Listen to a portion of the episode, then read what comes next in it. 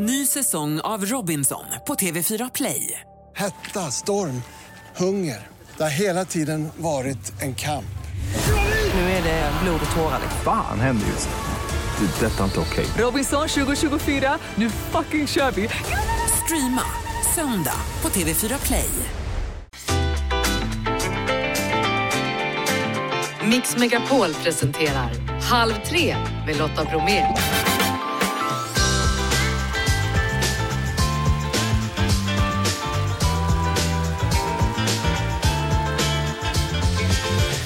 Hallå där och varmt välkommen in i Mix Megapols Halv tre-studio. I dagens tisdagsmix, elmyterna, vilka är de och vad kan vi ta död på? Gängkriminaliteten har skildrats i bok av Diamant Salio. Nu kommer en ny bok, När ingen lyssnar. Tisdag betyder teknik med Martin Appel och idag tips på snabba kurser i internet och surf. Just nu mycket snö på sina håll i Sverige, men betyder det naturligtvis då att det blir en härlig sommar? Vi reder ut begreppen. Vi hör också om mannen som har slagit svenskt rekord i att skaka hand och alldeles strax så berättar Michel Tornéus om kvällens final i Hela kändis-Sverige bakar. Det är klart att vi håller på Michel. Alldeles strax pratar vi med honom. Nu kör vi! Hörrni, ikväll så är det final i hela Kändis-Sverige bakar och vi har ju en speciell favorit, nämligen Michel Tornéus. Han har varit här flera gånger och tävlar då ikväll ihop med Filip Lamprecht och de tävlar mot komikerparet Daniel Norberg och Louise Nordahl. Hallå Michel! Hallå, hej! Vad du har liksom bluffat dig fram här hos oss och sagt att nej, jag kan ingenting och nu är det final. Ja, jag undrar också hur jag hamnade i finalen om jag ska vara helt ärlig. Nej men hur har det gått till? Vad, vad har ni gjort? Jag tror, eh, men vi har blivit bättre och bättre för varje vecka tycker jag. Eh, samarbetet mellan mig och Filip har liksom, eh, ja men vi hittade verkligen ett sätt att jobba som kändes bra för båda. Liksom. Mm. Eh, jag hade mina svagheter och han hade sina svagheter. Och vi hade olika styrkor, men vi lyckades liksom kombinera det på något sätt. Så det, det är därför vi står i en final. Ja, ni brukar säga teamwork that makes the dream work, är det så? Ja, men 110 procent. Så Mm. är det verkligen. Det, det var ett, ett bra collab. Liksom, Eh, ikväll då så är det finalbak då och det är inga vanliga bakverk som ni åstadkommer. Nej, det var ett, ett helt nytt bakverk för både mig och, och Filip och liksom hur man ska få till det att göra. Eh, och sen är det tufft. Alltså den här tidspressen är ju hemsk. Mm. Eh, det, det går inte att beskriva hur dåligt man mår under den, de två timmarna man står och bakar. Eh, men eh, ja, vi får väl se hur det går, om vi lyckas lösa det ikväll eller inte. Ja, alltså finns det någon likhet mellan att stå i en final i längdhopp eller var, göra ett kval till en längdhoppsfinal och att vara i en final med bakning? Mm, Jag gör nog hellre en, en OS-final framför 80 000. Eh, Det är mycket mindre stress kan jag säga det än att stå baka i TV. Det På riktigt? Ja, ja men verkligen. Alltså just det där att man har inte samma kontroll och ugnarna ska funka och degen ska bli bra. Det får inte skära sig och Nej. samtidigt som jag gör det så måste någon sätta rätt mängd. Ja, men det är så mycket och det, ja, det, det är tufft. Det är otroligt tufft att stå där i köket och köra. Ja, ikväll ska ni då göra en Charlotte Russ, en engelsk tårta i kupolform, kupolform täckt med rulltårta fylld med mousse och samosas. Gör ni dessutom då? Ja, herregud. Ja. Eh, om ni vinner ikväll då får ni skänka 50 000 kronor då till en välgörenhetsorganisation. Vilken blir det då? Det stämmer. Eh, ja, vi, det vi pratade om innan var att ifall vi vinner så kommer vi skänka den till eh, Barncancerfonden. Eh, Filip är bland annat med i en ambassadör för en, en, en organisation som heter Ayabaya Cancer. Och jag har gjort en del saker med Barncancerfonden. Och, ja, är det något alla vet så cancer och barn hör liksom inte ihop. Så att, kan vi bidra där så, så det är det vi kämpar kanske lite extra för ikväll. Eh, och ja, vi får se hur det går. Vi, vi, jag kan lova så här, vi kommer ju absolut göra vårt absolut bästa. Ja, Det kommer vara dramatik och spännande, men eh, vi, eh, ja, vi ja. får se. Och det du just sa nu, det gör att jag kommer heja ännu mer på dig ikväll kan jag säga. Ja, tack så hemskt mycket. Jag behöver allt hjälp, allt stöd vi kan få ikväll, det kan jag lova. Det får du, du får hela Halv tres redaktionens stöd, du får alla Ja. lyssnare stöd och så ser vi hur det går ikväll då på Ja, TV4 klockan 20. Ja, Mm. perfekt. Lycka till! Tack så hemskt mycket. Hej Tusen Michel. tack. Ha det Hej. så bra. Halv tre med Lotta Bromé på Mix Megapol. Det senaste året har ju verkligen el och energi varit på tal. Vi har ju flera gånger pratat om elpriser, elstöd och hur man kan hålla sina kostnader nere. Men under året så har det också hunnit bildas myter kring el och med oss nu för att reda ut några av de myterna är God Els VD Maria Erdman. Välkommen till Halv tre! Tack. Ja, enligt en undersökning då publicerad i Dagens Industri så är 59 procent oroliga för sina elkostnader. Och det har verkligen varit en galen situation det senaste året. Ja, verkligen. Det har inte varit lätt och blir inte lättare att vara elkonsument. Det har varit väldigt höga priser och höga kostnader. Och en av myterna då som ni vill slå hål på det är bland annat att man ska binda sitt avtal nu när vårfloden kommer. Ska man det? Det rekommenderar vi inte. De här fastprisavtalen som man tecknar, de tecknar man ju för ja, ett år framåt eller kanske flera år framåt och då behöver ju elbolaget säkra sig för de här kostnaderna även för nästa vinter. Och det innebär ju att det oftast är väldigt högt prissatt. Jag tittade själv nu eh, och de är ju oftast högre än vad man har betalat i snitt för det senaste året. Och det är för att elbolagen inte kan förlora pengar på de här fastprisavtalen, vilket de tyvärr har gjort under den gångna vintern. Så hur ska man tänka då som elkonsument? Man ska tänka att man ska använda sin el schysst och smart. Eh, att den billigaste kilowattimmen är den sparade kilowattimmen. Eh, man eh, kan se över sitt elavtal, helt klart. Eh, men kanske ta höjd för att spara undan pengar för de dyra, de dyra månaderna. Från de månaderna när du inte betalar så mycket. Mm. Så, så man räknar på en hel period och inte enbart vad det kostar just nu då? Ja, det ska man göra. Det priset som du får behöver du ta mot den årsförbrukningen som du har och då kan du faktiskt räkna ut vad du betalar för elen det kommande året. Ja. Det är oftast högre, visar det sig, när vi räknar på det, än att betala för ett rörligt elpris för de kommande 12 månaderna. Så hur ska man tänka då? Om man nu är jätteorolig och har haft höga räkningar hela vintern här. Ja, eh, för det första så ser det faktiskt lite ljusare ut för det här året. Eh, det ser ut som att priserna inte kommer att vara lika höga som föregående år, som ju var ett rekordår på många sätt. Det kommer fortfarande att kosta mycket pengar, ja. Eh, så man ska se över sitt elavtal, se över sin förbrukning. Eh, inte falla för kampanjer kanske. Eh, det är lätt att tänka att man har några fria månadsavgifter men eh, det är ju alltid någon annan som behöver betala för det och framförallt när de där villkoren går ut så kan det bli ganska dyrt elavtal. Så skaffa ett elbolag som du känner dig trygg med under en lång period. Mm. Frågan är då, är det bättre med timpris? Kan man välja det för att ha råd med exempelvis en sommarsemester? Min sommarsemester har det inte räddat. Jag har själv timpris och jag har sänkt min kostnad med ungefär 6% Så det är en bra topping, men det förutsätter ju att hela min familj har lite slagit knut på sig själva. Vi diskar på natten, vi tvättar på natten och vi har det eh, lite kallt bitvis på dagarna här hemma. Eh, så det är bra för en del. Om vi tittar på de kunderna som vi har på Godel som har timpris så för tre fjärdedelar ungefär så lönar det sig med timpris men för en fjärdedel så blir det faktiskt lite dyrare. Så man ska faktiskt aktivt kunna förändra sin förbrukning och använda el på billiga timmar för att tjäna på ett timprisavtal. Men någon solsemester, det är det svårt att få till på eh, i alla fall min räkning. Mm. Alltså en, en annan grej då, du pratar här om hushållsmaskiner. Är det sant det här då att man ska köra hushållsmaskiner under kvällar och helger för att det är billigare då? Med timprisavtal så tjänar du ju pengar på det eh, och då, då är det ju billigare för dig som konsument. Men om du har ett vanligt rörligt avtal eller ett fastprisavtal som ju en majoritet av svenskarna har så eh, det enda som händer är att du gör något snällt mot elnätet så att det inte blir så belastat. Eh, men du sänker inte din egen kostnad för du har ju ett pris som gäller för, samma pris gäller ju för hela månaden med ett rörligt avtal eller ett fastprisavtal. Så att om man har tim, timpris då som du pratar om så är det en slags Mm. topping kallar du för, tyckte jag var roligt. Eh, Men, men då måste man verkligen anpassa sig efter de tiderna där man ser att nej nu är det billigt, då får vi göra något. Ja, exakt. Men en sak som kan vara jättenyttig det är att liksom börja följa sin förbrukning och se oj oj oj, här springer det iväg eh, på kvällen. Eh, ja, det var kanske för att vi drog igång eh, golvvärmen eh, för att vi skulle ha det lite mysigt i badrummet till exempel.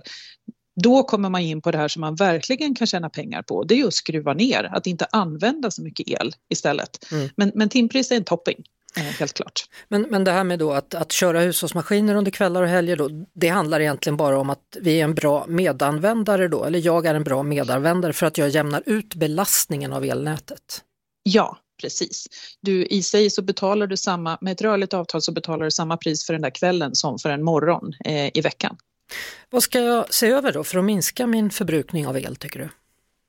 Ja, det stora som många hushåll har, det är ju uppvärmningen. Den drar väldigt mycket el. Hemma hos mig så drar den ungefär hälften av elen. Jag bor i ett hus. Bor man i en lägenhet däremot så är det ju hushållsapparaterna. Typiskt en riktig e- energitjuv är ju golvvärme till exempel eller handduksvärmare. Eh, eller att man eh, överanvänder varmvattnet i duschen lite för länge eller tar väldigt varma eh, bad väldigt ofta. Så det är väl det man kan spara in på eh, sådär spontant. Och sen kan man göra jättestora investeringar och installera solpaneler på sin bostadsrättsförening och så vidare.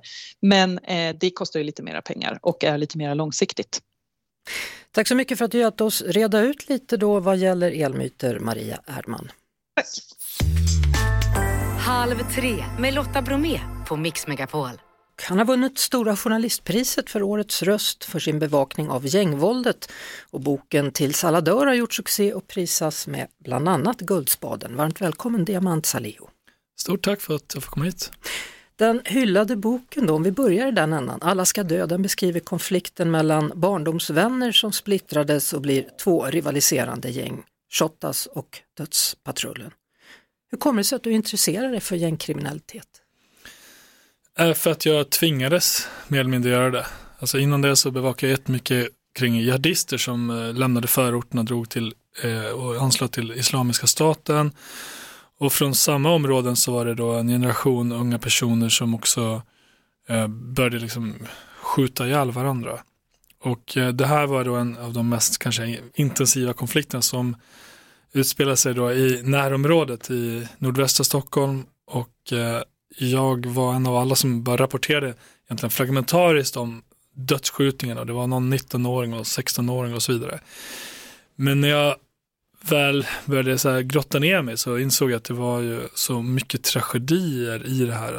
Vänner som hade sovit över hos varandra som var, som satt, var med på, satt bredvid varandra i klassrummet, vars föräldrar också är väldigt nära varandra som hade vänt sig mot varandra på det här sättet och sen hade det bara fortsatt och fortsatt och fortsatt och väldigt få av de här hade klarats upp, eh, morden. Växte du upp i de områdena? Eh, jag växte upp i Kärna Ängar som är ett, då, ett riskområde enligt polisens definition idag. Eh, men det var ett annat sorts område där, okej, okay, fattiga människor från Bålänges och alla hörn eh, växte upp och vi gick i samma skola med villabarnen som hade föräldrar som jobbade på SSAB och Kvarnsvens pappersbruk och så vidare. Eh, så även, även fast vi andra som bodde i området kanske kom från sämre förhållanden så kunde vi ändå möta barn som kom från bättre förhållanden och leka med varandra på ett sätt som man inte gör idag, ens där jag själv växte upp, men framförallt inte i våra storstäders förorter som är otroligt segregerade, både i bostadsområdena men också skolorna. Mm. Eh, du dömdes ju för vapenbrott 2012. Du köpte ett vapen då i researcharbetet ska vi säga. Eh, mm, och då fick du. Ja, det är viktigt att säga. Ja. Eh, och då var det ganska förhållandevis svårt att få tag på det där vapnet. Om du skulle köpa ett vapen idag då, eller jag, eller vem som nu tycker att de behöver något. Är det lättare? Eh, då var det ju för, framförallt fokus på Malmö för att Malmö hade problem med skjutningar. Idag är det problem med skjutningar överallt och det, mig tog det ungefär fem timmar att få tag på ett illegalt vapen i journalistsyfte. Eh, idag skulle nog många kunna göra liknande då, eh, reportage, eller vad man ska säga, i många fler städer, även i mindre städer och säkert hitta ett vapen väldigt snabbt. Så, och det, det säger lite grann om den utveckling vi har haft i Sverige där mycket fokus från början låg långt ifrån de flesta människor. Det var någonstans i Malmö det var problem. Och sen har de här problemen spridit sig lite här och där. Just nu här på Mix Megapol är Diamant Salihu som är journalist och precis har gett ut sin nya bok som heter När ingen lyssnar.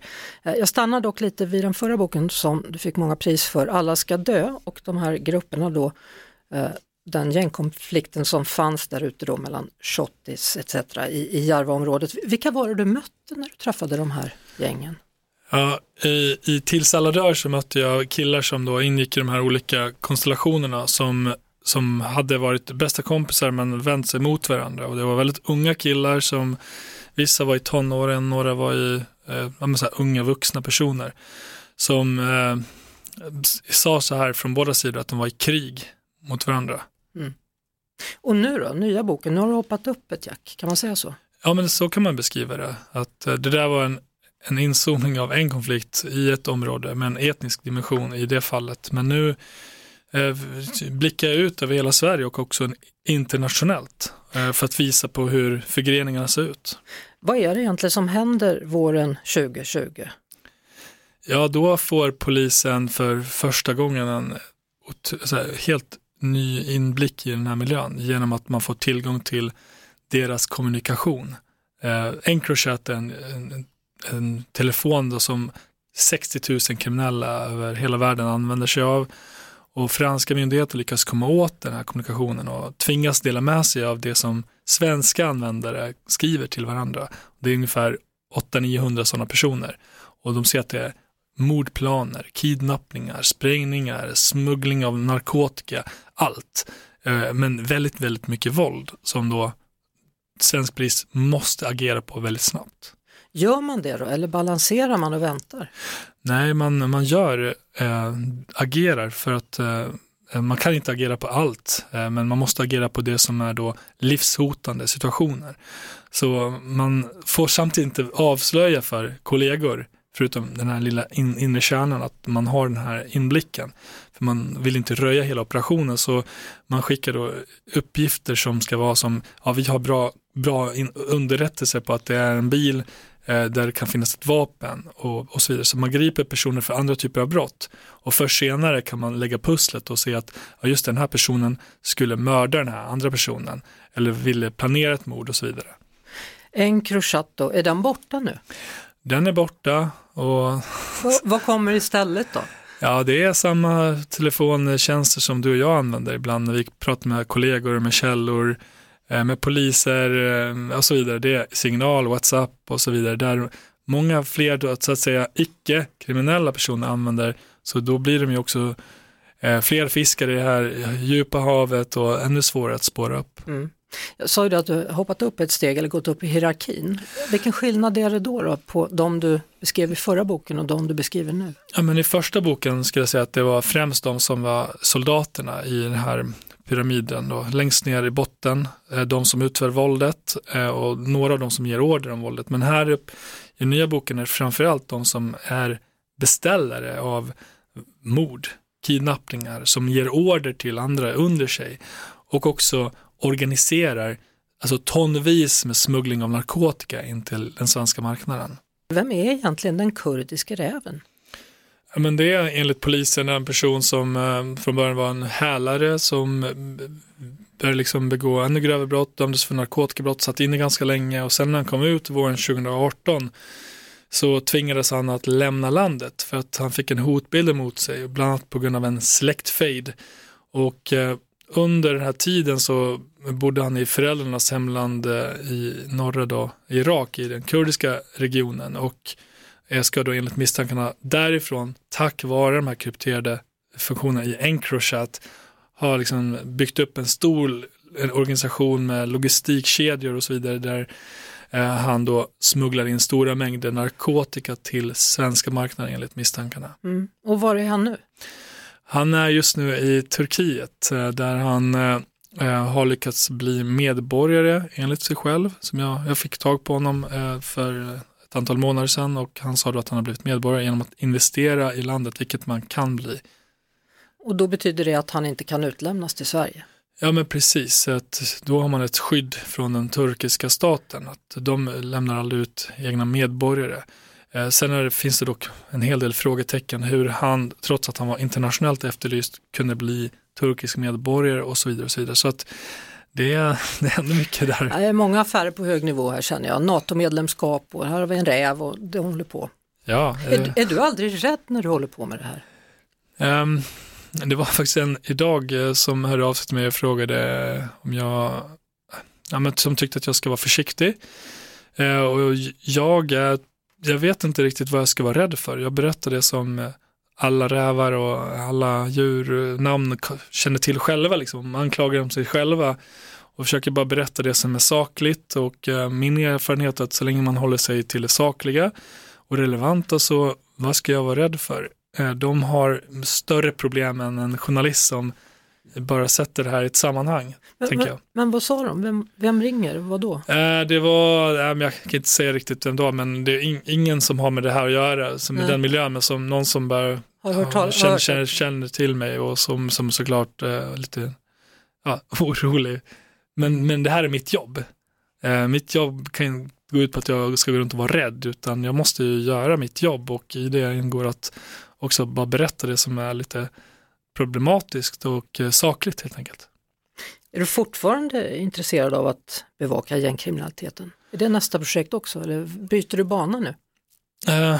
In, innan jag kom in i det här samtalet så var jag också ute och pratade med en helt annan så här, kollega från ett annat land och, och, som är liksom intresserad av follow the money och eh, det är jag också intresserad av att följa pengarna i den här miljön. För det möjliggörs ju, allt det som händer möjliggörs ju av personer som ser till att det kan genomföras transaktioner i mångmiljonklassen, alltså vi pratar miljarder till och med. Och det är något som jag skulle vilja grotta ner, ner mig själv mer i, eh, för att det känns relevant som ett nästa steg. Ja, var försiktig. Ja, men eh, du med. Vi måste alla vara försiktiga på olika sätt, men det här är något som jag tycker är relevant och viktigt och eh, ja, det Mm. finns ingen annan väg. Diamant Salihu, journalist, stort tack för att du kom hit och berättade. Halv tre med Lotta Bromé på Mix Megapol. Hörrni, nu är det klart. President Joe Biden, 80 år, 81 i november, han har bestämt sig, han vill än en gång försöka bli USAs president. When I ran for president four years ago, I said we're in a battle for the soul of America, and we still are. The question we're facing is whether in the years ahead we have more freedom or less freedom, more rights or fewer. I know what I want the answer to be, and I think you do too. This is not a time to be complacent. That's why I'm running for re-election. Det är därför som jag kommer att ställa upp i en återvalskampanj, meddelar alltså Joe Biden i en amerikansk, kan man säga, väljarfilm. Andreas Utterström som kan mycket om USA, USA-kännare, är du förvånad? Inte det minsta. Det, den stora frågan har bara varit hur länge Biden, som är känd på för att eh, dra ut på sådana här beslut så länge som möjligt, hur länge han skulle vänta innan han berättade att han ska ställa upp igen. Ja, och nu pratar han om att han än en gång då ska, ska bevara, försvara Amerikas själ. Vad menar han när han säger så?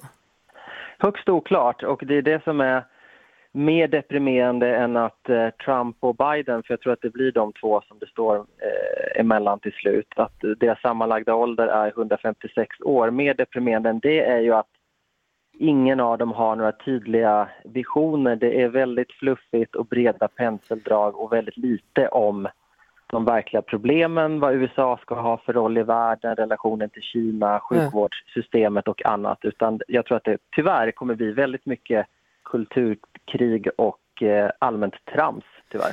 Eh, Trump han har ju meddelat då att han redan på väg då, innan han ens installerat sig, så kommer han att avsluta kriget i Ukraina. Han vet exakt hur han ska göra och det gör han på vägen dit. Ja, men det är vintage Trump och vintage Biden. Biden pratar om att det är ett, eh, en kamp om Amerikas själ. Trump säger att han ska lösa allting hur lätt som helst, men det är väldigt lite detaljer och, och väldigt mycket eh, stora eh, löften som är svåra att ta på allvar. Och det är det som är så eh, deprimerande och i värsta fall så blir det här lika illa som sist, eh, vilket bland annat urartade i en debatt där de båda två bara stod och skrek på varandra, vilket ju var eh, ja, faktiskt pinsamt för hela landet. Vad man undrar då som svensk är, om man nu är misstänkt för brott, vilket Trump är, han är ju bara i början av alla de här fallen, kan man ändå vara valbar? Ja, det kan man. Det, det som är juridiskt snårigt är vad händer om Donald Trump, eh, om man väcker åtal mot Trump, rättegången drar ut på tiden, så är det dags för rättegång när han, om han sitter i eh, ovala rummet igen. Därför att det där är aldrig prövat, men det finns en praxis som säger att man inte kan åtala sittande president. Så att då blir det någonting som kommer prövas i, i domstol och eh, utgången är oviss. Är det någon som vågar utmana Joe Biden då? Någon annan demokrat? Det kan man ju faktiskt göra. Det är ju väldigt ovanligt, men, men, men det har hänt. Det hände Jimmy Carter till exempel. Eh, men det kan jag inte tänka mig, utan nu sluter man upp kring Biden högst motvilligt. Och så tror jag det kommer bli för väljarna också. Att tycker man illa om Donald Trump så är man ju beredd att rösta på vad som helst eh, som är alternativet. Eh, men jag tror att många tycker att Joe Biden är för gammal. Eh, hans ålder har ju, har ju länge varit eh, elefanten i rummet i det egna partiet och eh, för egen del tycker jag att eftersom det finns en regel som säger att man måste vara minst 35 år gammal för att bli president så, så borde det också finnas någon slags övre gräns och frågan är väl om Biden inte har passerat den redan. Hur många år var de tillsammans sa du? 156. Då vet vi. Tack så mycket Andreas Utterström. Tack så mycket. Halv tre med Lotta Bromé på Mix Megapol.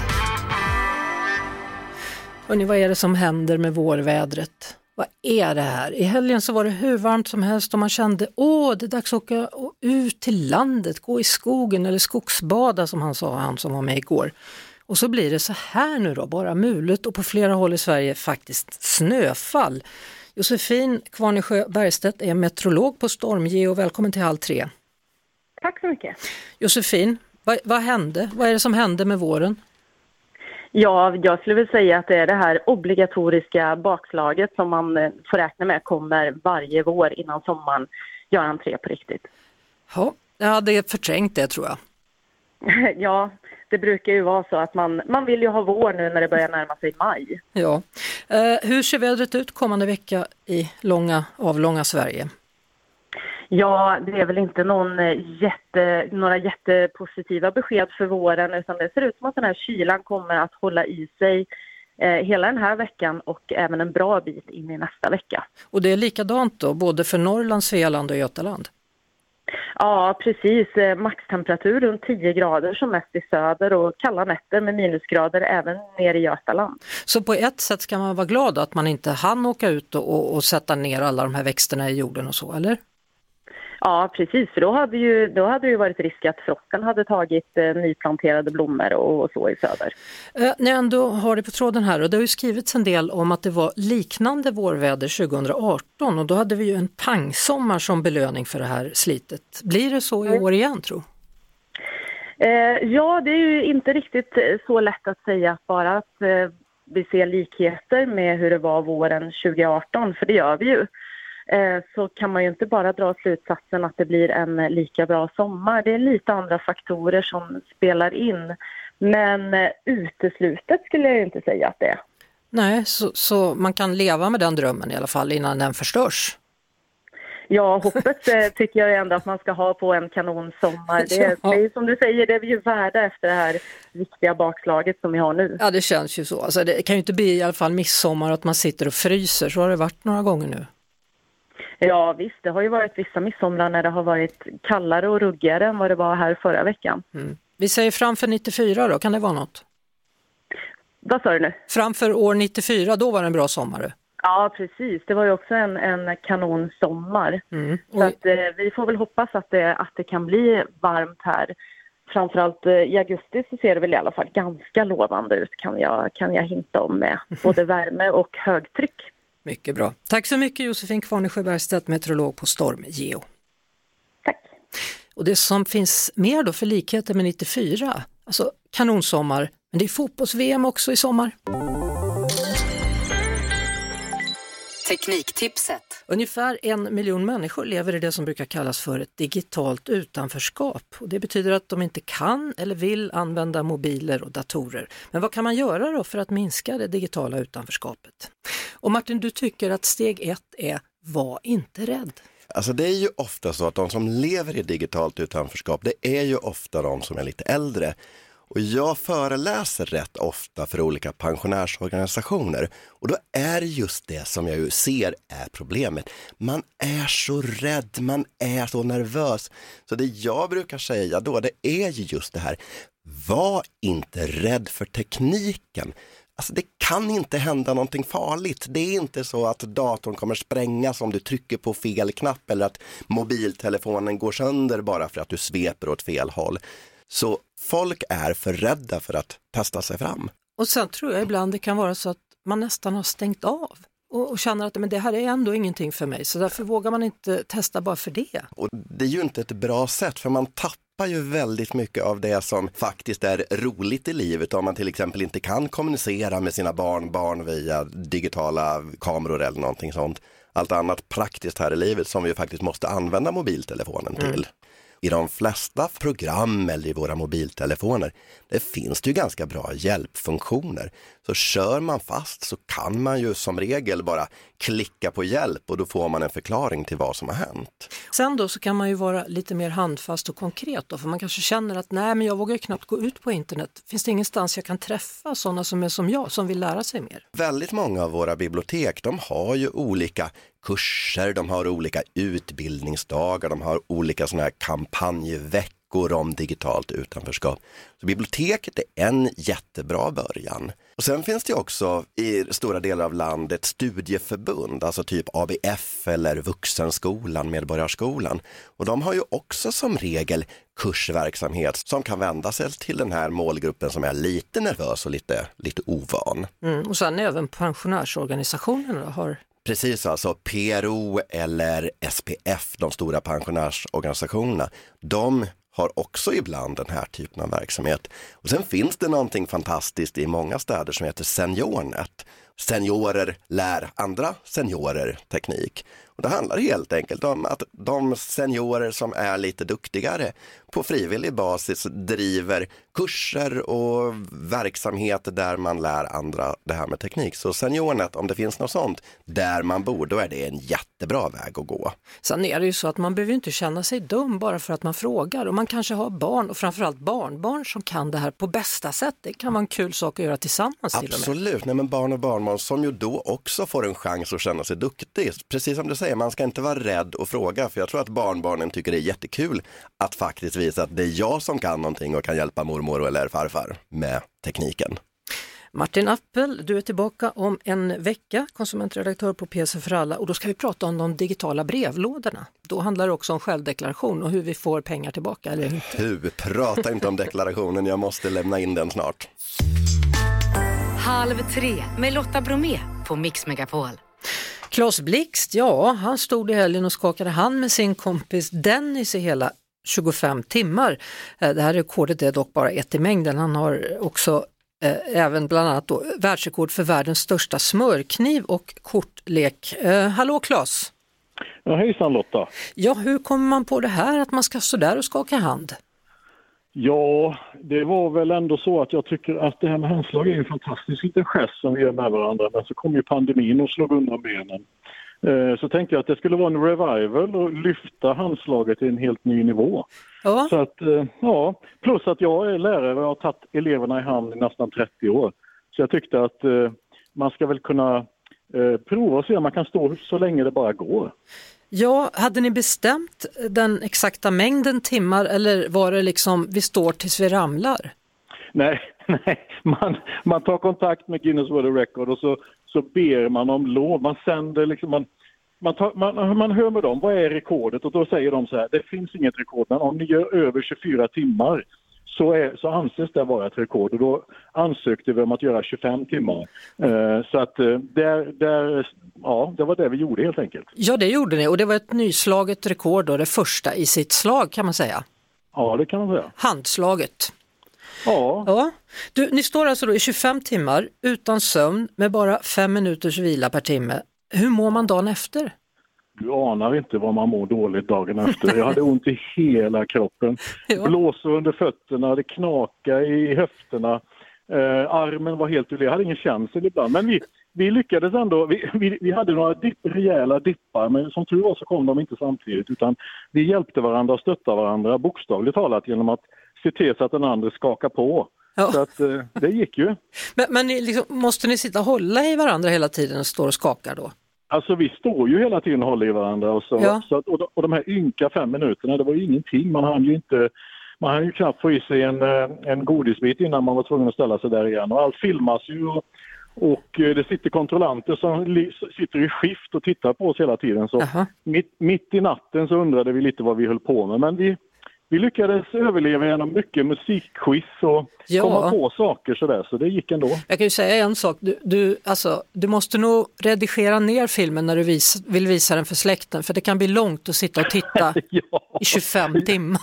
Nej, jag kan tänka mig att det är jobbigt för dem att kolla på den i 25 timmar också, Ja. man ska se så att vi inte har fuskat. Men, men själva händerna, var de helt utslitna också eller? Eh, nej, det var de inte. De var faktiskt rätt så bra skick. Och jag måste säga att jag man var inte så trött heller. Det var mest att, att man eh, var lite yr. Och sen hade vi ju hela byn här som, som gick liksom man ur huset och stod och supportade och ropade och gjorde tummen upp. och- Så man, det, det, nej, man bara kämpade på helt enkelt. Härligt. Eh, innan vi lägger på här så måste jag ändå konstatera, för idag är det ju klart nu då att eh, president Biden vill ställa upp igen och han vill förmodligen då möta Donald Trump som lär bli republikanernas motbud då. Du har skickat världens största tandpetare till Donald Trump. Varför? Och hur stor Nej, var men, den? Ja, grejen är så här att jag, jag ansökte om att göra världens största tandpetare och, och, och, eh, för att jag tänkte jag skulle skicka den till Donald Trump för jag tyckte han hade världens största käft. Ja. Eh, nu, nu fick kan Kanada fick reda på detta och de ringde mig faktiskt en natt och hade en live radioutfrågning just. Vad är det för en svensk som ska skicka en tandpetare till, till Donald Trump? Men, men så den har inte kommit iväg, den står här hemma fortfarande faktiskt. Ja, men nu är det väl dags då, för nu ska han ju snart ut igen och, och hålla tal. Ja, ja, jag hop- hoppas att den inte går in i munnen, att han blir lite mindre i munnen framöver. Då kanske inte denna går in. Han har väldigt små händer annars också, det är han Ja. känd för, det vet. Ja, du har Ja. koll på det där. Eh, Claes Blixt, stort grattis då till eh, skaka hand-rekordet i 25 timmar. Tack så mycket. Och hör av dig nästa gång du ska slå nytt rekord. Ja, kanske kommer. Ja, hej. Mm. Hej. Albin och Lotta säger tack för idag. Det gör också de tre Gina, Jeanette, Janne och Jeff med efternamnet Neumann. Imorgon hörs vi igen och då bland annat med Lale. Fortsätt lyssna på kanalen som givetvis är Mix Megapol. Ett poddtips från Podplay. I fallen jag aldrig glömmer djupdyker Hasse Aro i arbetet bakom några av Sveriges mest uppseendeväckande brottsutredningar. Går vi in med hemlig telefonavlyssning och, och då upplever vi att vi får en total förändring av hans beteende. Vad är det som händer nu? Vem är det som läcker? Och så säger han att jag är kriminell, jag har varit kriminell i hela mitt liv men att mörda ett barn, där går min gräns. Nya säsongen av Fallen jag aldrig glömmer på Podplay.